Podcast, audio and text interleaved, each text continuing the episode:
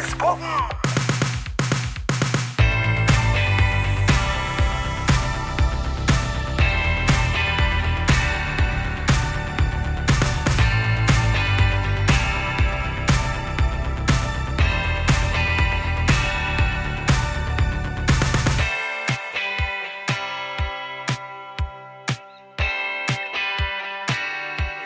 Vi tilbake. Vi må nesten kalle det en ny sesong. Må vi ikke det? Vi har vært litt sånn i um, tenkeboksen på dette, om dette er eh, Liv Lager, men aller mest så skyldes det nok at Grace Anne har flytta til Bergen. Og det har jo satt oss i et litt sånn uh, Vi har stilt mange sånne eksistensielle spørsmål. For hva, hva er det Liv Lager med Impulspodden uten Grace Anne? Men så har vi jo landa på at det er greit, vi får sette henne på første klasse og fly henne inn ved behov. Så og Grace Anne, velkommen hjem. Jo, hjertelig takk. Det er godt å være tilbake. Ja. Eh, og så fant vi ut at ja, vi tror dette er Liv laga litt lenger. Eh, men formatet er det samme. Vi snakker om med spennende mennesker om tro og ungdomstid. Eh, folk som har gjort inntrykk på oss. Så får vi litt innsikt i hva som har vært viktig for dem. Hva som har forma de og valgene de gjestene har tatt. Og hvordan de har havna der de er, enten det gjelder jobb eller andre engasjement. Og så kanskje kan jeg da få litt inspirasjon til hva jeg skal bli når jeg blir stor. Og forhåpentligvis så gjelder det for deg som hører på, at du får litt inspirasjon.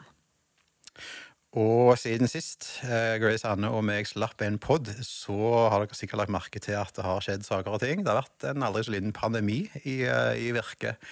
Så, og da har dere sikkert merka at Impulsfestivalen har eh, ikke blitt avlyst, men vi har flytta den og litt sånn desentralisert den. Vi skal ha Impuls i Trondheim. I Molde skal vi. Tromsø. eh, vi skal Stavanger og Kristiansand. Så det datoene for det kan du se på nettsiden vår, impulsweb.no. Og så eh, gleder vi oss til å treffe deg et sted kanskje litt nærmere deg i år. Men tilbake til dette. Eh, I dag har vi en gjest som jeg har gleda meg til veldig veldig lenge. Han er en, han er en helt, og da mener jeg ikke på den floskelmåten eller klisjéfylte måten. Han er virkelig helt av meg. Jeg gleder meg til å ha han på besøk. Mhm. I dag skal vi snakke med en spennende mann som velger å bruke livet sitt på å kjempe for rettferdighet for andre enn seg sjøl. Arne Vises møte med ureturnerbare asylsøkere bevega ham til handling. Og med risiko for å havne i fengsel så har han utfordra den norske stat ved å hevde at den bryter Grunnloven ved sin behandling av ureturnerbare flyktninger. Og vi gleder oss til å høre mer om mannen bak saken i dag. Arne, velkommen. Arne Viste. Mann, myten. Forhåpentligvis er det mindre myte når vi er ferdige i dag. Ja. Det er utrolig kjekt. Eh, Jeg sa i stad at du er, du er en helt for meg personlig. Eh, Stort forbilde. Og eh, jeg vet ikke hvordan det var for dere når dere var yngre, men da, for meg så var det jo gjerne sånn at det var disse distansestjernene en gjerne så opp til. da, ikke sant? De på en stor plattform, eller de med masse følgere, eller også etter hvert som en blir litt eldre, så er det kanskje litt andre parametere på heltene våre. Eh, For min del har jo det handla om eh, ja, en, ser- en, en, en får eh, sterkere identifikasjon til de som en er litt tettere på, som en ser betaler en pris da, for ting de oppnår i, i hverdagen. Og, og der er definitivt eh, du, Arne. Og vi skal innom mange av disse tingene som jeg vet engasjerer deg, og som betyr mye for oss òg på huset. Eh, men vi må begynne litt lett, hvis det er greit. Det er helt ok. Så vi begynner med fem raske. Og her må du velge en av to. Så hva foretrekker du fremfor Eller foretrekker du vinter eller sommer? Sommer. Sommer, ja. Mhm. Og vil du heller spille sjakk eller eh, word feud? Er det sånn man sier det? Da velger jeg sjakk. Du velger sjakk, ja. ok, Og foretrekker du å lese eller se på TV? Nei. Ingen av delene? Les, heller lese enn å se på TV. Heller lese enn å se på TV. Hva leser du da? Da leser jeg gjerne en roman, eller uh, som regel ei bok kona nettopp har lest. Ja, Lurt. Da er den liksom kvalitetssjekka. Så bra. Og vil du heller gå på gudstjeneste eller fotballkamp? Da ville jeg valgt eh, en gudstjeneste. Og eh, hvem foretrekker du av Erna eller Jonas? Det er ikke eh, Midt imellom vil jeg nok havne et Ja, sted. den gylne så, middelvei. så ja. Ja, Så, det, jeg så den komme. Sånn. Bra. Du, Arne, vi, har, eh, vi pleier å få noen eh, såkalte lytterspørsmål. Eh, vi har fått et lyttespørsmål her fra en som heter David Viste. Jeg vet ikke om du har hørt om han? Ja, du har hørt om han. Eh, Han har et spørsmål. Han lurer på hvis du måtte vippse 1000 kroner, ville du gjort det til Frp eller Human-Etisk Forbund? Da vil jeg vippse til Human-Etisk Forbund. Ja, ja, men nå, okay. Da fikk vi deg utpå litt der, da. Det var jo Eh, Så gøy. Um, Arne, um, jeg har jo vært klar over deg i mange år. Vi er jo medlemmer i samme menighet. Nå begynner vi å snevre oss litt inn der. Um, vi har vært medlemmer i meg, begge to, i mange mange år. Har vært klar over deg i mange år. Uh, og så har du for meg vært uh, jeg har selvfølgelig ikke hatt mye førstehåndskontakt, men, men jeg har visst at du er en, du og familien din er altså veldig ressurssterk familie.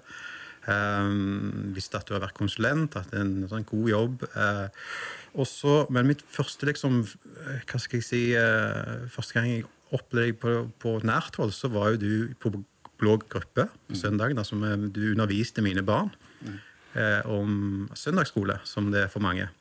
Husker du hva jeg underviste om? Det var uh, Busted. Ja, nei, men uh, jeg husker at du levde deg inn. Her, okay. om det, jeg har ikke bare formidlet en historie, her er det på gulvet og leke. Og, og, og det tenkte jeg, det var eh, det gjorde et inntrykk, da. Å se, eh, og det er kanskje en sånn spesiell greie for oss menn, da, der du liksom eh, Det, var noe rart som krasja med at du, du, du ser en sterk, eller en ressurssterk mann med god jobb og alt sånn, og så er han på gulvet og bruker tid med barna våre. Som egentlig burde jo ikke være en kontrast i det hele tatt, men, men det gjør det inntrykk, da. Og så selvfølgelig disse siste årene hvor vi har lært deg å kjenne veldig mye for de tingene, altså asylpolitikken og sånn. Og da slår det meg jo at eh, at eh, du er jo helt åpenbart ikke en mann som liksom begynner med tanken 'what's in it for me'? Hvor er min personlige vinning i dette? Det er jo helt åpenbart. da. Det er ikke sånn du tilnærmer livet ditt, eh, eller tilnærmer deg ting. Hvor, hvor tror du, eller hvor kommer det engasjementet fra? Jeg har jo Jeg tenker det er nokså ty, tydelig forankra i, i tankene mine, først og fremst. At Jesus han kommer jo ikke for å herske, men for å tjene. Eh, og samme godt lederskap handler om å tjene og bygge menneskene, ikke å styre og kontrollere dem. Eh, og det å, å på en måte Lederskap det handler ofte om å bøye seg ned og løfte andre, tenker jeg, som en sånn prinsipp. Eh, hvordan det Vi snakker I kirka snakker vi av og til om nådegavebasert tjeneste. Jeg skal ta den tjenesten som jeg liker, og, har, og det er jo veldig sterkt, for Gud har gitt oss roller som vi trives med, og vi skal utforske dem. Men så er det jo noe som er da behovsbasert tjeneste. Å se hvor er det behov, og hvor kan jeg fylle de behovene. Og det er jo også et aspekt med det. Så, så går det litt på balansegangen der. Eh, men jeg tror ja, jeg, tror- jeg tror det handler om å ta- ta Jesus som forbilde. Hva, hva eh, Ja. Ja, for Vi skal jo senere komme inn på ditt konkrete arbeid med ureturnerbare asylsøkere. Men du nevner jo litt om engasjementet ditt nå. Hvor det, men hvor hadde det på en måte sitt utspring? da? Kan du huske tilbake det? liksom, når, Har du alltid vært en engasjert fyr? Eller? Nei, det har jeg ikke. Jeg har aldri hatt, vært politisk aktiv, eller jeg har egentlig vært eh, eh, eh, nokså normal. Så jeg hadde en sånn 40-årskrise. Jeg spilte bedriftsfotball, og så røyk kneet mitt. eh, Så jeg kunne aldri mer spille fotball. Korsbånd og operasjoner og styr. Eh, og jeg tror nok 40 da er du halvveis i livet. Så jeg leste et par bøker om døden. Eh, og han Fugelli og en som heter Ørvin Shalom. Og jeg kjente at eh, jeg, jeg er egentlig ikke fornøyd. Jeg hadde da fått meg hus og familie, hadde et godt ekteskap, en god menighet og hadde egentlig ting på stell sånn ytre sett. Men jeg kjente at eh, jeg vil egentlig leve, ikke Og jeg følte at dette var et liv som var på en måte Hvor er essensen? Hva er, er det ikke er det ikke noe mer? Eh, og hvordan kan jeg leve sterkere? Eh, så det var noe som jeg på en måte gikk og kjente på som en del av 40-årskrisen. Eh, du har jo trassalder når du er fire, og så har du har du noen tenåringskriser, og så har du 40 40-årskrisen. Eller midtlivskrisen, heter det. Mm. Ja. Så jeg tror kan, Han var ikke noe dramatisk for meg, men, eh, men jeg tror jeg begynte å tenke gjennom hva jeg vil med resten av livet. Og jeg kjente at jeg vil ha veldig lyst Jeg hadde egentlig hatt karriere da sånn yrkesmessig. Og hadde trygt og god jobb, og alt var Det kunne lett ha blitt en sånn cruise inn resten av de siste 40 årene på ren cruisetempo. Og det virka veldig kjedelig. Så jeg lengta etter noe mer. Eh, og det er jo bra med den lengselen. Eh, og den svarte Gud på etter hvert. Ja. Eh, jeg tenkte eh, for- Forfriskende er på en måte ikke ordet, men, men jeg tenker på det når, når jeg ser på deg og det du uttrykker engasjement for, og sånn, så, er, det- så slår det meg at eh, altså når, når jeg ofte, Som regel når jeg hører engasjerte mennesker, så handler det om et eller annet som ligger der til egen vinning. da, ikke sant? Og, og det er jo ikke noe unaturlig i det. Det er jo fordi vi har kanskje førstehåndskjennskap til de tingene. Eh, Det er noe som betyr noe i hverdagen vår, osv. Mens, mens når liksom du har uttalt deg, så er det nesten litt sånn Nesten litt sånn motsatt, har jeg hørt deg. ikke sant? Og, og når du har ytra deg litt sånn politisk òg på Facebook i det siste, så er det mer sånn eh, Ja, du har nesten begynt i andre enden, hvis du skjønner hvor jeg vil hen. Eh, hva For én ting er jo å ha, ha et engasjement for det som jeg har en personlig vinning i. En annen ting er det du gjør. Du har jo betalt en pris, og betaler en pris, altså hvor du har alt å tape, og andre alt å vinne.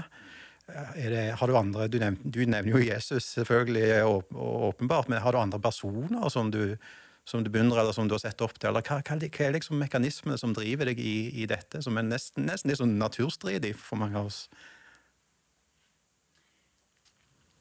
Jeg tror ikke. altså jeg har, Etter at jeg tok fatt på dette prosjektet mitt, så har jeg jo lest, jeg har lest litt om eh, Martin Luther King, om Gandhi og, og andre store. Og jeg kjenner jo det eh, bygger og inspirerer. Å se hva tankesett og hva, hvordan de levde.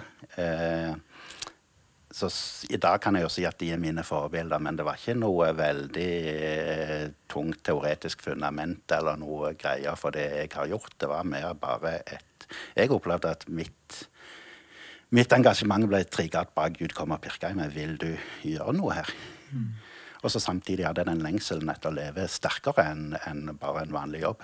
Så på en måte kom Gud og så lengselen min, og så kom han og pirka her. Du, her har jeg noe, har du lyst til å være med på dette? Og jeg opplevde at det har jeg jo veldig veldig lyst til, selv om det skulle bety fengsel eller noe sånt. Så er det, dette er noe som jeg kjenner hadde vært veldig, veldig bra. Så da var det på en måte en prosess innledningsvis der, om jeg ville eller ikke. Eh, og så endte vi, jeg må si vi, for det er familien, mm. opp med at ja, vi, vi tar og går den veien. Ja. Mm. Ja, sant. Mm. For du nevner jo Jesus her, og søndagsskolen er vi vel inne på. Altså, Har du alltid vært kristen, eller når, Ja, jeg- hvordan kom du til tro? Jeg har alltid vært kristen. Vokst opp i en kristen heim i Kristiansand. Gått i Misjonssambandet i ungdomstida. Litt i studentlaget. Og så var jeg i menighetsrådet i Norske kirke. I, satt i menighetsråd lokalt i kirka i, her i Stavanger. Og så ble vi kjent med IMI. Jeg har vel vært i IMI i mer enn 20 år nå. Eh, ja. Ja. Um, troa mi var på en måte barnetro fram til sikkert videregående og universitetet. Eh, der det ble mer en apologetisk og tros... Altså dere seriøst vurderte hvordan vil det være for meg å være ateist heller, og ikke ha kristendommen. Er det et jeg vurderte ikke islam og hinduisme, og sånt, men det var liksom valget sto mellom vil jeg være kristen eller vil jeg være ateist, vanlig, verdslig. Mm. og det føler på en måte at troa mi handler mindre enn tro enn På den tida så var det mindre tro og erfaring, men det var mer et bevisst valg. Hva mener jeg er sant, eh, og hva velger jeg? Eh, så det, sånn, det var min vei til voksentro. Sant. Mm. Og hva vil du si troa di betyr for deg? eh, I dag er troa mi mye mer basert på, på, på Guds trofasthet gjennom dette prosjektet og gjennom den risikoen vi har tatt, og hvordan Gud bærer og taler og leder og, og, og driver det framover med en god, bærende hånd for oss og vår familie. Så nå er det på en måte erfaringen at Gud kan jeg stole på, som er essensen i troa mi. Ja. Mm. Ja. ja, det mm. Jeg tenker, Når jeg hører deg snakke, Arne, så tenker jeg eh, veldig ofte når vi snakker om, om mennesker om, om engasjementet deres, så, så ja, de svarer kanskje én av to. da. Det ene er at eh, jo, men jeg har vokst opp med dette engasjementet. det, Jeg kjenner ikke noe annet. Og det andre er at de hadde en annen sjelssettende opplevelse i ungdommen. ikke sant? Mens det du beskriver, er jo mer en, mer en, en prosess, så å si. Eller kanskje til og med et engasjement som har vokst seg fram spesielt etter at du ble godt voksen. Eh, er, det, er det riktig, eller er det, hvordan opplever du liksom vandringen din? Jeg opplever at Gud og Jesus har blitt veldig mye mer konkret eh, de siste eh, 15 årene. Fra å være noe litt fjernt og mer en religion, en tro, en, eh, en levevei. Det er på en måte en kultur å være kristen. Eh, mens det har siste ti årene spesielt, så har det blitt veldig mye meg og Jesus, og jeg kan stole på deg, Jesus, eh, som er bærer meg nå. Så det har nok vært det noe, fra noe litt fjernt generelt til noe veldig personlig. Jeg har min prosess, og den har vært nå fra, fra ca. 40-årene til nå er vel 53, tror jeg. Ja, det syns jeg er kjempe, det er inspirerende for meg òg. Jeg er jo en voksen mann og liksom tenker må alle disse her opplevelsene skjer i ungdomstida? ikke sant? Ja. Så videre. Det, en, en kan jo bli få en retningsendring eller, eller, eller kjenne kall i godt voksen alder òg. Mm. Det, det inspirerer meg. Og, ja. Um, du, vi har et lytterspørsmål til. Uh, Ja, han er nå denne gangen, da. eller? ja, han her heter Terje Høiland. Og Terje Høiland, ja. Ja. Uh, og denne, Vi er litt usikre på hvordan vi skal tolke dette, så det kan være du må hjelpe oss å kontekstualisere og skjønne det. Men uh, kanskje. Det står 'Hvordan vil du rate uh, kundebehandlingen på Stavanger politidistrikt versus Bergen politidistrikt'? Ja, det, det er jo en utfordring å ha mange ansatte uh, i mitt firma da, som ikke har eh, de papirene politiet skulle ønske de hadde. Uh, og så har da i Stavanger så har, har de jo da håndtert det skikkelig og med respekt. Men i Bergen så fikk jeg i flere måneder bare telefoner om at, at mine kunder og mine ansatte i Bergen ringte og sa at politiet var plaga de og trua, og nå må det stoppe, nå må det stoppe. Og da måtte jo jeg som arbeidsgiver kontakte politiet i Bergen eh, og finne ut de jobber. Kan vi få en anmeldelse og en inn til rettsvesenet? Eller, eller hvordan vil de håndtere det? Og så ville ikke politiet i Bergen svare på det. Så da måtte jo jeg dra til Bergen etter ca. en måned med purringer og taushet.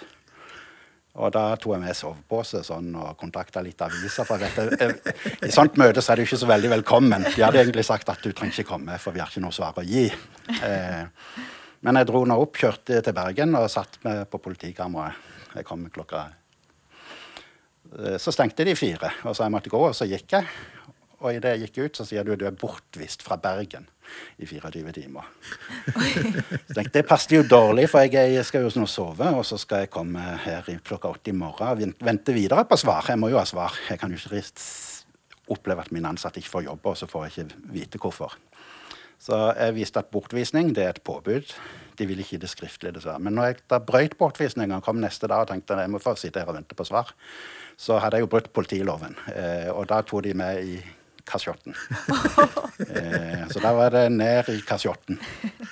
Det som er festlig, da, det er jo at jeg hadde jo søndagsskolen eh, søndagen før. Og da, da handla det om Paulus og Silas. Dette er helt sant. Dette, dette er helt sant. Så da var det jo, og da sang vi sanger, for det var jo når de begynte å synge lovsanger at eh, dørene gikk opp.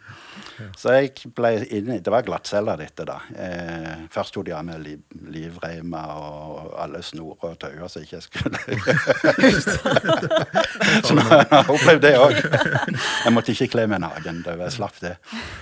Så, men så der var det en madrass som jeg la meg på, og så eh, tror jeg fikk beskjed om at det var fire timer jeg skulle være. Eh, men så var det ei dame som ikke hadde det så greit på ei nabocelle eller lenger borte. Tydelig at hun var enten rusa eller psykiatrisk eller noe, og lagde mye bråk. Så det var bare oss to nede i de betong. Så jeg hørte henne veldig godt. Så tenkte jeg hva hvis jeg synger litt barnesanger, og hun hører det? Kanskje jeg kan trigge noe hos henne i nabocella? Så jeg begynte å synge litt høyere og nynne i vei.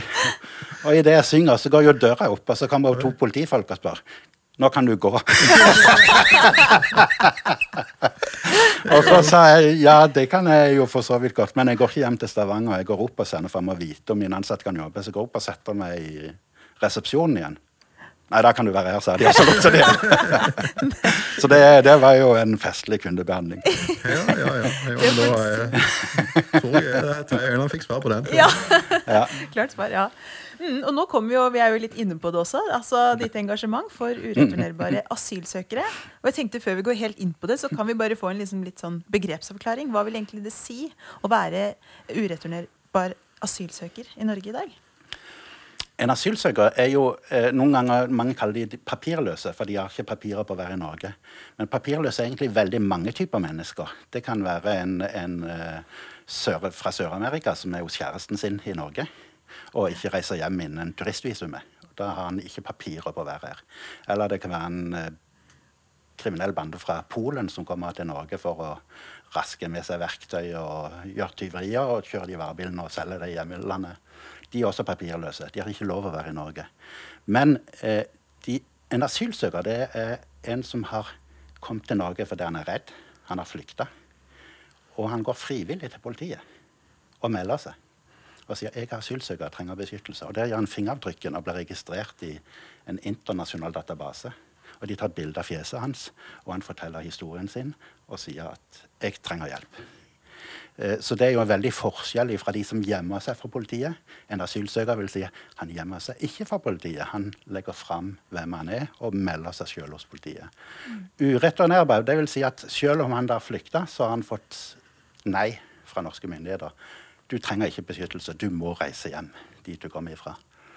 Eh, og når du da er ureturnerbar, så er det fordi at politiet ikke greier å tvangssende deg til hjemlandet pga. manglende papir, manglende returavtale pga. korona, kanskje.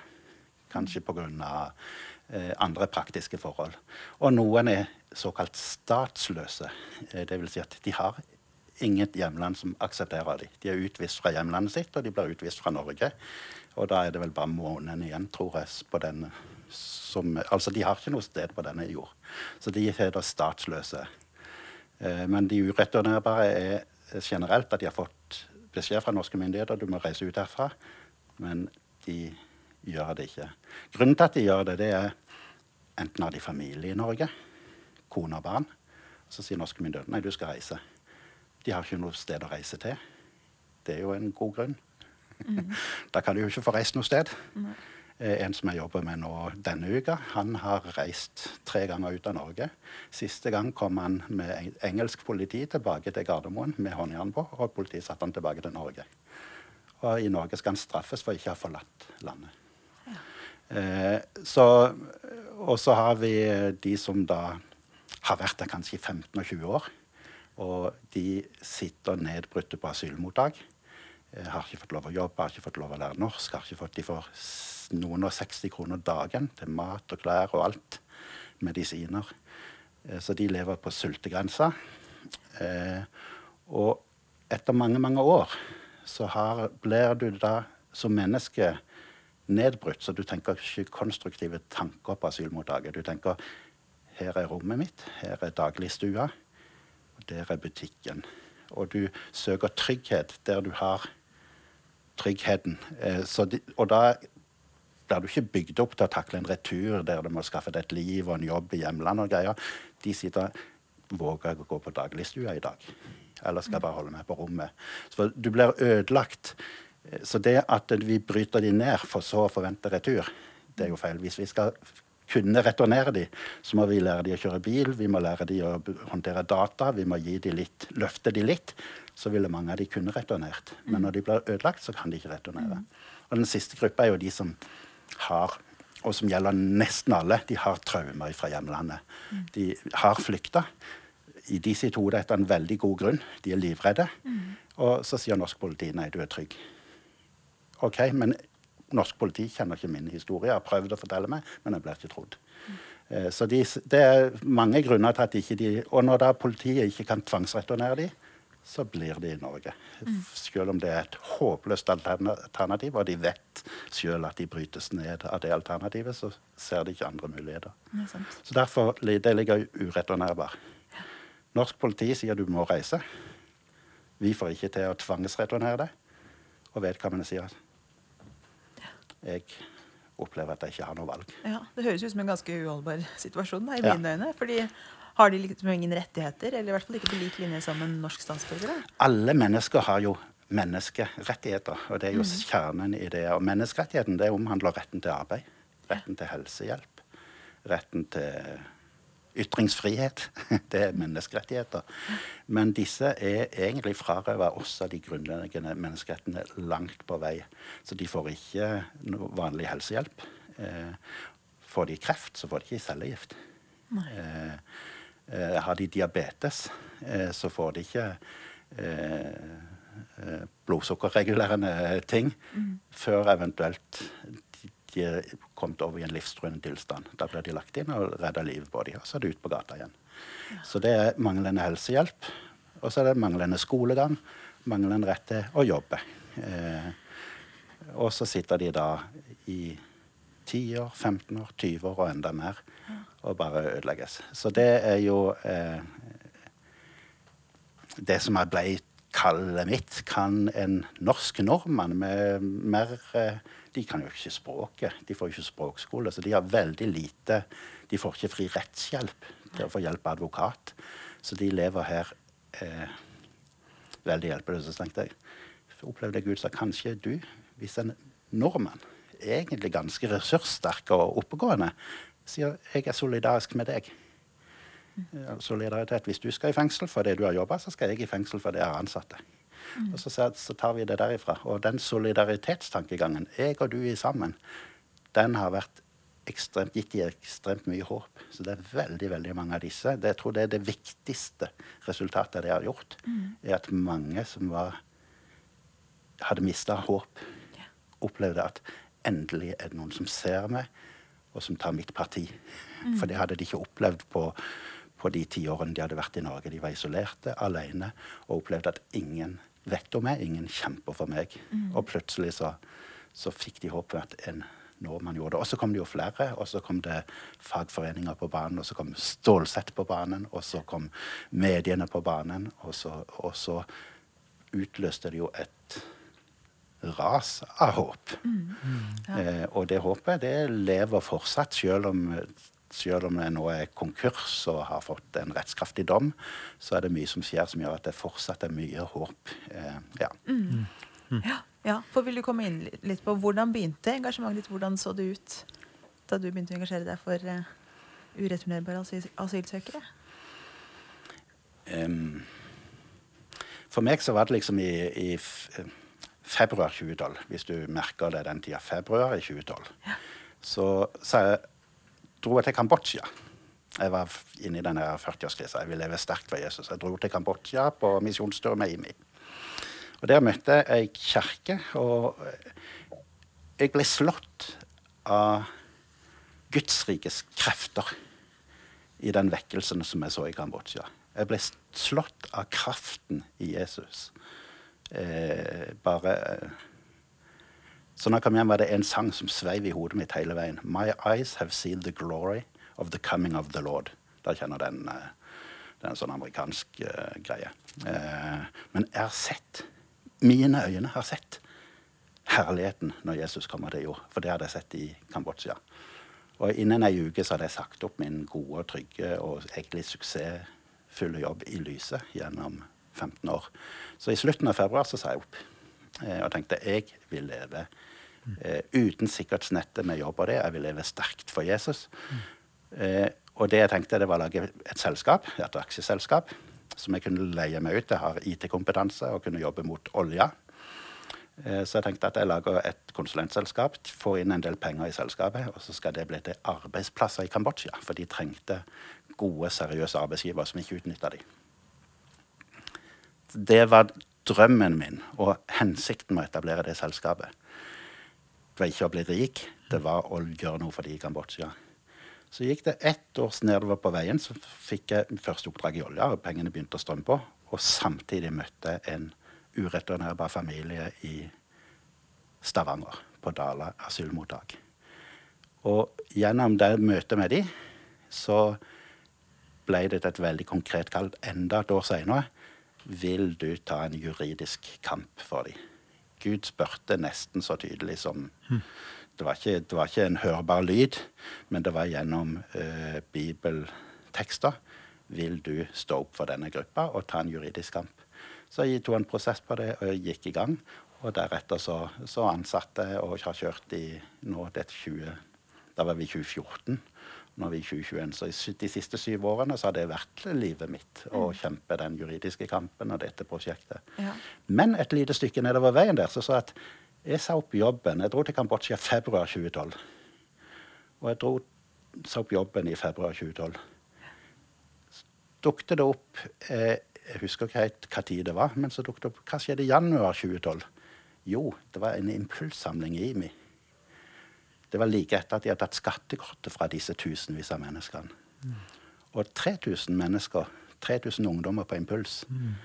de sendte postkort til justisminister Knut Storberget og sa dette må ikke skje. Disse menneskene settes i en håpløs situasjon. Og 3000 ungdommer på impuls ba om en løsning. Uten at jeg var en del av det. Og bare en måned etterpå har jeg altså sagt opp jobben min. Og ett år etterpå har Gud gitt meg, har jeg møtt de første. Og to år etterpå har Gud kalt meg og har sagt ja til det kallet. Så jeg tenker nå i ettertid, når jeg ser tilbake på historien, at her var ungdommene ba. Gud kalte meg. Mm. Og jeg har ikke vunnet juridisk enda, men jeg tror Guds plan ligger fast en dag i dag. Mm. Spennende. Uh, fordi at det er jo, bare for å snakke litt om det, for det er jo ikke alle som kjenner situasjonen, men mm. faktum er jo at de, de, har ikke rettigheter til å kunne jobbe, mm. og du ansetter de allikevel. Ja, jeg gjorde det helt til. Eh, jeg fikk eh, Så jeg hadde et det, det, er jo en suksesshistorie, da. Så jeg mm. ansatte den første sommeren 2015. Eh, og så meldte jo selvsagt til politiet og skatt og fulgte på med papirer hele veien. Eh, full åpenhet. Eh, og så fikk jeg en straffesak omsider.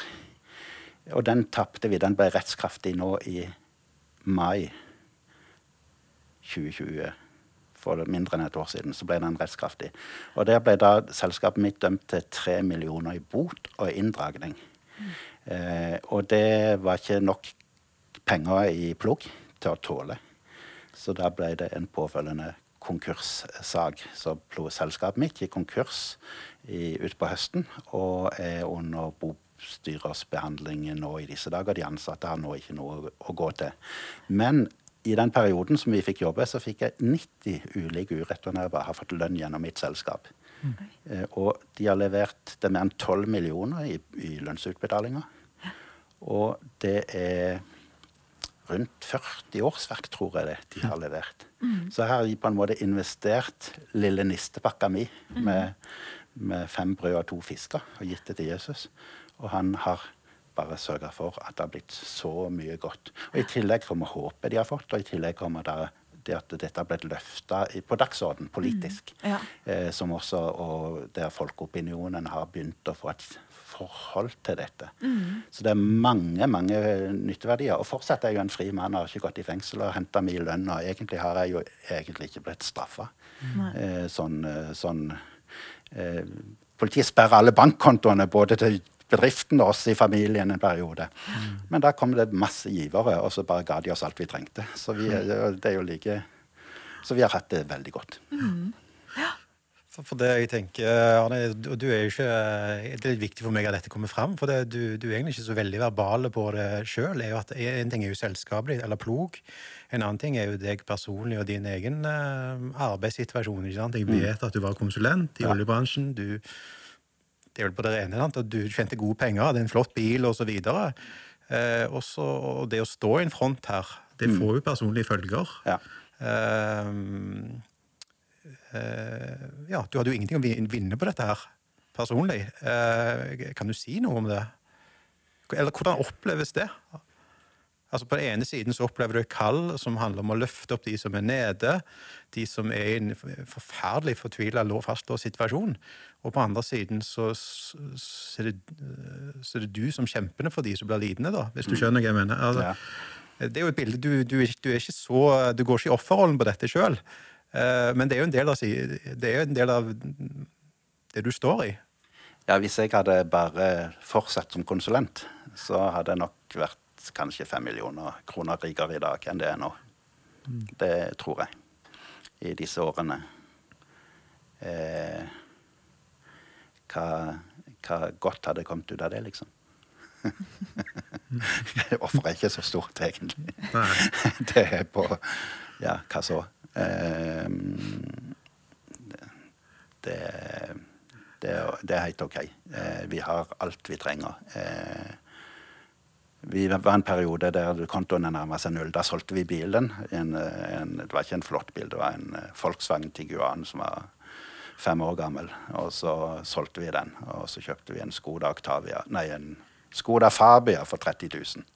Som vi kjørte med noen år bare for å komme oss over kneika. Eh, eh, så, og det kosta litt. Jeg kan jo si det. Det var kjekkere med Tiguan enn med Fabia.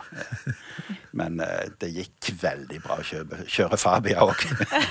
Helt til vindusviskeren konka ut. Da var det ikke så kjekt lenger. Det var, det var bra du sa det siste der, for jeg kjente jo når spørsmålet kom nå. Så jeg følte det sa mer om meg enn om deg.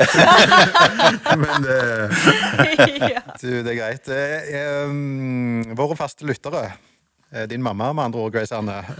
Um, vil kanskje huske For ett år siden så hadde vi Erna Solberg på besøk. Da var det jo ungdomsfestivalen vår. Um, 2500 ungdommer her. Uh, og da berørte vi dette uh, med de ureturnerbare asylsøkerne. Og så um, Hvis jeg skal huske dette etter beste evne, da, Arne, så, så, så sa hun at for de som er reelt ureturnerbare, så fins det muligheter for å bli. Eh, og så hadde du tre-fire eh, um, argument eh, på unntakene for dette, da. Og, og, sånn som jeg husker det, så handler det jo litt om ja, for det første en må være samarbeid, eller må være ærlig fra starten av. Sa noe om det. Hun sa noe om at for at asylpolitikken vår skal være bærekraftig, så, så må du Altså, det, det må du kan ikke bare synes det er kjekkere å være i Norge enn å dra hjem. ikke sant? Altså Ting som går på egentlig å undergrave troverdigheten til situasjonen til disse, til disse da. Altså, eller mm, Hun fremlegger som at hvis du er reelt ureturnerbar, så kan du bli. Og så vet jeg jo du var der. Jeg mm. traff deg så vidt etterpå. Eh, hva tenkte du etter du, du hørte hennes svar på disse tingene? Eh, for det første er det, jeg tenker det er en en liten ting, og så er det en stor ting som jeg mener er den eh, store løgnen som vi som samfunn Ikke Erna Solberg har ingenting mot henne, men som vi ligger i samfunnet vårt. Så vi har en liten løgn og en stor løgn. Eh, og hun løfter egentlig fram begge de. Skal vi ta den lille eller store løgna først? Begynn med lille, og så går vi med store. Ja. Begynner, begynner på den lille, og så får dere se om dere godkjenner at dere går videre på den store. Nei, altså Ureturnerede asylsøkere det er ikke det samme som statsløse. De som er statsløse, da har Norge forplikta seg på noe som heter statsløshetskonvensjonen. På hvordan vi skal behandle de som ikke har noe hjemland. For det er noen mennesker som ikke har noe hjemland. Eh, I straffesangen jeg ble dømt for i Oslo tingrett, så var politiet der og sa at en av de som jeg skulle dømmes for, var statsløs. Han var i en situasjon der foreldrene hadde flykta fra Irak grunnet krigen. Og levde i en flyktningleir i Iran, i nabolandet. Og han var født i flyktningleiren i Iran, men faren var fra Irak. Og han som person, født i den flyktningleiren i et fremmed land, ble ikke anerkjent verken av Irak eller Iran eller Norge, der han befinner seg nå. Så han har prøvd frivillig retur. Har ikke noe sted. Ingen vil ta imot han, ingen land på denne jord. Eh, og da er du ikke ureturnerbar asylsøker, da er du statsløs. Og Norge er forplikta på statsløskonvensjonen, eh, som FN kritiserer oss for ikke å følge, og NORAS. Eh, så det er den lille løgnen. Eh, lille fordi at det er kanskje snakk om et par hundre mennesker i Norge som er statsløse. Eh, jeg har et to andre av mine ansatte eh, som, som var statsløse, de brukte advokat i hjemlandet for å prøve å få papirer så de kunne reise hjem. Eh, og de fikk papirer fra advokaten som hadde vært i myndighetene i hjemlandet, kom til Norge. Eh, og norsk eh, politi underkjenner de papirene. De sier de er ikke gyldige. Eh, så de kan ikke reise på de papirene. Så, og da er de stuck. Eh, begge de to har nå reist fra Norge og prøver lykken i Tyskland. Også som papirløse i Tyskland. Dette er livet som statsløs. Du har ikke noe sted, ingen land som kan deg imot det. Tyskland får det ikke lov å være. Norge får det ikke lov å være. Eh, de blir bare gående uverdige liv. Eh, så det er den lille løgnen om de statsløse. Erna har rett at de statsløse kan søke. Eh, min erfaring er at de er mine som har gjort det, får avslag. Så da tenker jeg OK. Ja, Så mye for den ordninga. Og Norge får kritikk for at ikke vi følger statsløshetskonvensjonen, som pålegger oss å etablere rutiner for den type mennesker. Ja, Hvis det var den lille, da Ja. var jeg spent på den Det var den lille. Den store løgnen det er jo, det er jo at, eh, at eh, hvordan vi behandler de ureturnerbare, har med innvandringsregulerende hensyn å gjøre. Eh, det er klart Vi kan ikke gi de ureturnerbare fulle flyktningrettigheter. Eh, for det, det at de har fått avslag på asylsøknaden, må bety noe. Men vi levde egentlig ganske godt med det fram til 2011. De fikk ikke flyktningrettigheter. De fikk ikke norsk statsborgerskap. De fikk ikke, fikk ikke støtte fra Nav. Men når vi tok skattekartet fra dem i 2012, så satt vi i en helt håpløs og nedverdigende situasjon. Eh, problemet hadde vi jo hatt helt siden før årtusenskiftet. At de var her i landet. Men når vi tok skattekortet fra dem, så skjedde det ikke Det var ikke sånn at nå tok vi skattekortet fra dem, så nå dro de hjem. Nesten ingen dro hjem fordi de mista skattekortet. Og heller ikke det at vi tok skattekortet fra dem, gjorde at det kom en stor bølge med asylsøkere til Norge. For nå kan du kan, eh, Eller at det påvirker tilstrømninga til Norge. Så, og det har da UDI forska på. I hvilken grad har retten til arbeid innvirkning på asyltilstrømninga. Og de finner ikke påvisbare korrelasjoner. Så det, her er det en løgn om at vi må være så harde i klypa med dem av innvandringsregulerende hensyn. Det er den store løgnen som stort sett alle politiske partiene eh, støtter seg på, og de fleste, og som er med formidla både fra scenen her i MIU og på Impulspodden.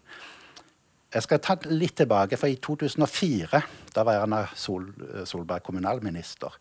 Og da to faktisk og satt de på gaten. De fikk ikke tak over hodet på asylmottakene lenger. De ureturnerbare. Så i 2004 så satt asylmottakerne og sa du får ikke rom hos oss lenger. Og de ble satt på gata. Og de fikk ikke penger til mat. Og da var det jo uten penger til mat og sånn, så ble det jo å lete i søppelbøtter og etter matrester og tomflasker. Og da var det en som, eh, som eh, hadde vært på Isebakk asylmottak utenfor Halden. Der de ansatte på asylmottaket sier at han går og sjangler og ser verre og verre ut. Og vi ser han, han kommer av og til her, men vi kan jo ikke gi han noe. Og enten må dere komme og sende han hjem, til Pakistan, tror jeg det var, eller så må vi få gi han penger til mat. For dette er ikke holdbart lenger. UDI ville ikke gjøre det, eh, og noen uker seinere ble han funnet død. Eh, han hadde, ikke hatt mat på en måned og, og hadde gått og sjangla. Det var masse eh, det, som, det som skjedde da, det var at ja, men dette var nødvendig. For hvis de fikk gratis tak over hodet Da var retorikken til RNA, den står i VG og Dagbladet, det var at eh, Nå skal jeg ta det. Det som skjedde, det var at i Trondheim så gikk jo eh, ordføreren Han satt i vår by. Det er litt kaldere i Trondheim enn i, i Oslo. Og dette var i, i vårmånedene april-mars. Eh, så det var kaldt i Trondheim. Og i Trondheim så sa ordføreren de skal ikke gå på gata. Så de fikk flytte inn i noen kommunale bygg og sette opp en seng, så de ikke skulle fryse. Eh, og da var Erna ute og sa som kommunalminister at Trondheim vil snart være Somalias største by. Det, og det er den store løgnen. Hvis da gir de tak over hodet, hvis da gir de de grunnleggende menneskerettighetene, så kommer jo hele Afrika. Så nå blir Somalia Nei, Trondheim Somalias største by. Det var en løgn. Fortsatt i dag, i 2021, så er Mogadishu Somalias største by. Og den har over én million innbyggere og ligger fortsatt i Somalia. Så selv om de fikk tak over hodet, så ble ikke Trondheim Somalias største by. Og Det samme gjelder med retten til arbeid. Det er en stor, stor løgn at hvis vi gir de helsehjelp eller lar de brødfø seg, ha noe meningsfylt å fylle hverdagen med, så kommer hele Afrika hit. Forskninga sier at sånn er det ikke. Og realiteten og historien viser at det er løgn. Den signaleffekten som det er snakk om, det at vi må ikke gi dem nå, for da kan det komme så mange. Det er egentlig en signaleffekt til norske velgere om at vi er harde i klypa. Vi gir dem ingenting. Det er den signaleffekten som jeg hører i politisk retorikken. Så det er den store løgnen at hvordan vi behandler dem når de ikke har fått opphold, har med innvandringsregulerende hensyn å gjøre. Mm. Ja. Uh, Arne, en del jeg er, eller jeg er for så vidt når du, når du på en måte fronter en, en, sak som dette som er så betent, så jeg er for så vidt interessant å høre hvor mye heiarop du møter versus hvor mye kritikk du møter. Men jeg har tenkt litt på, jeg, eller jeg merker jo at den, den kritikken du får mye retta mot, det går jo for det som en ja, gjerne kaller sivil ulydighet. da. Og så tror jeg, jeg tror de aller fleste jeg kjenner, antageligvis inkludert deg, jeg vet ikke, er enig i at det er sivil ulydighet er en, er en uting. Men så har du òg sjøl påpekt i det siste at, at, hva som er lovlig ikke lovlig, er jo ikke i seg sjøl alltid en garantist for hva som er rett og, og, galt. Så, sånn sett er spørsmålet mitt hva, når, når går disse grensene? Når er det OK? Eh, når er det legitimt å være sivilt ulydig? Har du noen tanker rundt det? Ja, jeg har uh, mange tanker om det. Mye av det har jeg lært uh, underveis. Det var egentlig kirkefaderen Thomas Akinas på tidlig, tidlig, som sa at det går en grense for den kristnes lydighetsplikt. hvorfor ble Jesus korsfesta, forresten? Var det fordi han var lydig, eller var han ulydig? Og hvorfor ble Paulus og Silas fengsla hvis de var så lydige? det er jo et spørsmål. Eller Josef, eller masse det gikk jo opp for meg etter hvert at hvis jeg går i fengsel det er ikke, Martin Luther King gikk i fengsel, og Gandhi gikk i fengsel, og, og, og disse her eh, ja, Nelson Mandela satt jo store deler av livet i fengsel. Det er, jo, det er jo ikke, det er jo ikke og, Men det det går på, det er altså For å være sivilt ulydig så er det noen kriterier. For det første må du være villig til å ta straffen. Du kan ikke si at eh, 'jeg skal ikke straffes'. Så, så, jeg anerkjenner det hvis jeg skal i fengsel for denne. Må, jeg kan ikke si at det blir feil å sette meg i fengsel, for det er et godt menneske. Eh, nei, det er rett å sette meg i fengsel. Det må være en del av sivil ulydighet. En annen ting med at det må være ikke-voldelig. Det må være med papirer og ord, ikke med kniver og våpen. Det er ikke sivil ulydighet. Det er krig og opprør. En tredje ting er at det må være offentlig og ikke hemmelig. Eh, det nytter ikke å drive sivil ulydighet i hemmelighet. Da blir det lettere kriminelt. Så jeg tenker at noen, noen, noen kriterier som jeg må passe på å oppfylle. og så må det ha, ikke handle om mine rettigheter, det må handle om grunnleggende menneskeverd og, og motstrid mellom det etiske og det juridiske. Mm. Og da eh, kan en lett forsvare eh, sivil ulydighet også.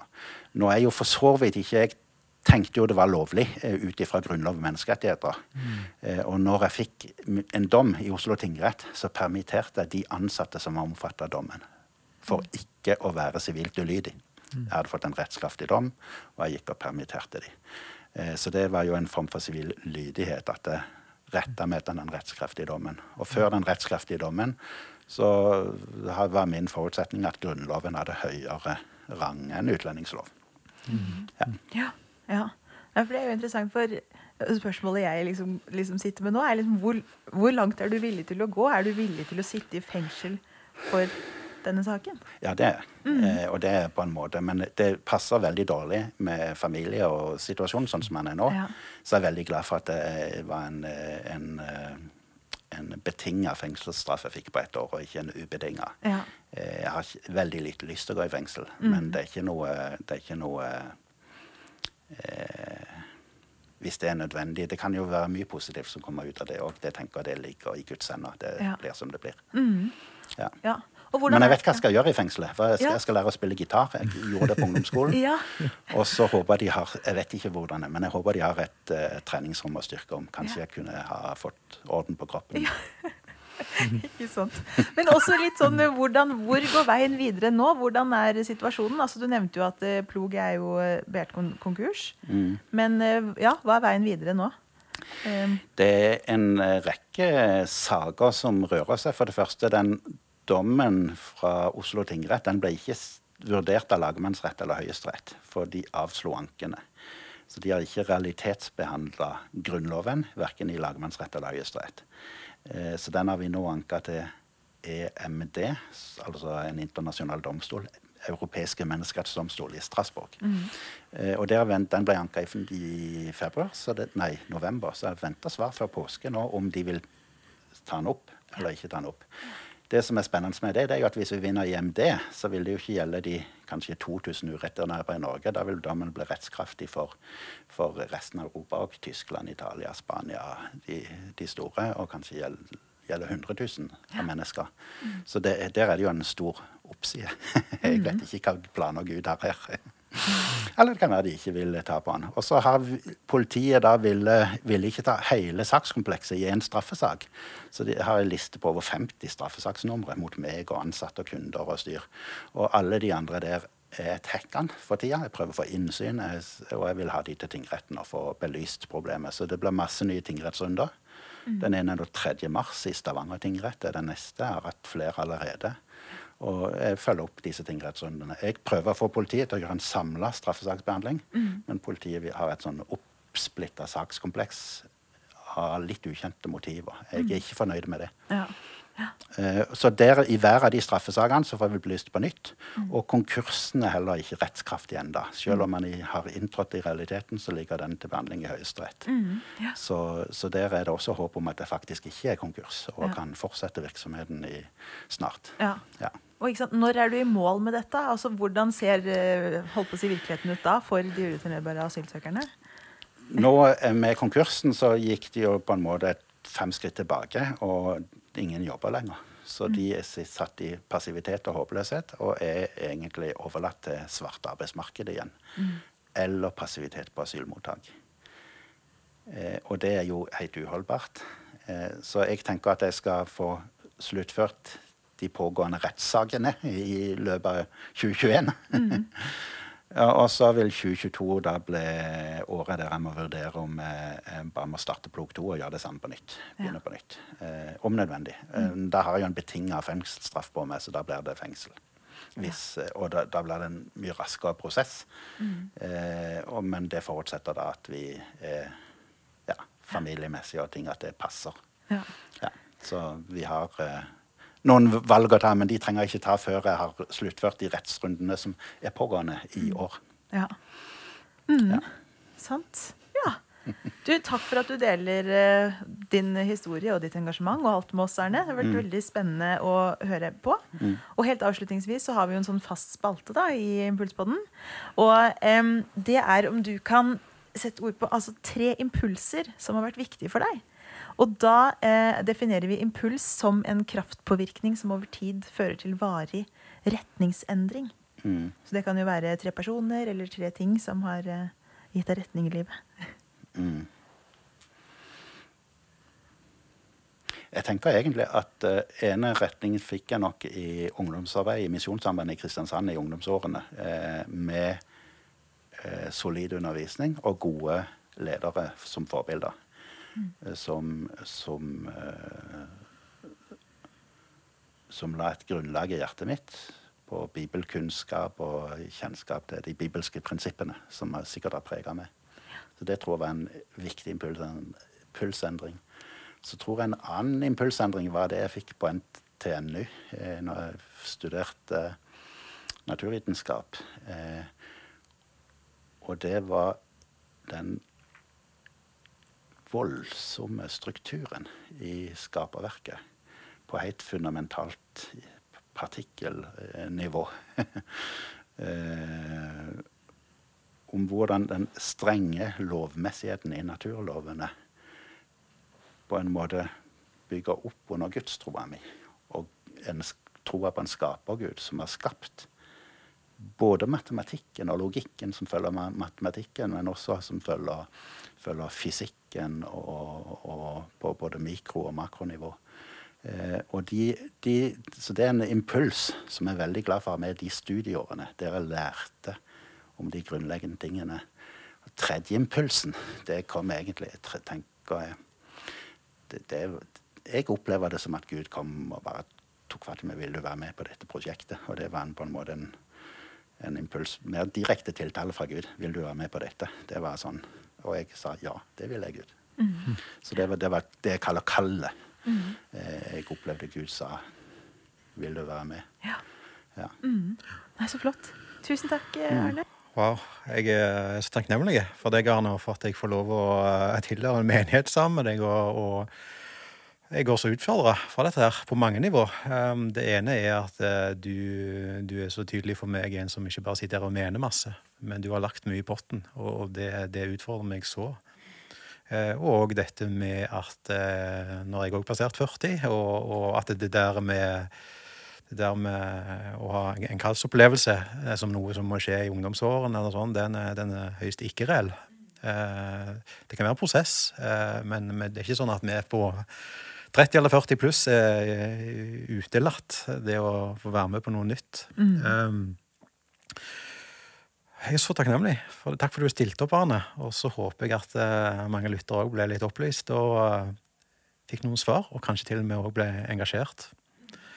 Og uh, at vi kan se litt forandring på dette området. Så tusen takk. Skal vi kalle det en episode, Grace Arne? Ja. Let's do that. Og så skal vi jo snakke med flere spennende mennesker framover. Mm -hmm. Så vi oppfordrer alle som hører på, til å abonnere. Vi lover å ikke vente et helt år til neste gang. Vi har allerede litt, litt planer, mm. så ikke så veldig lenge til neste gang.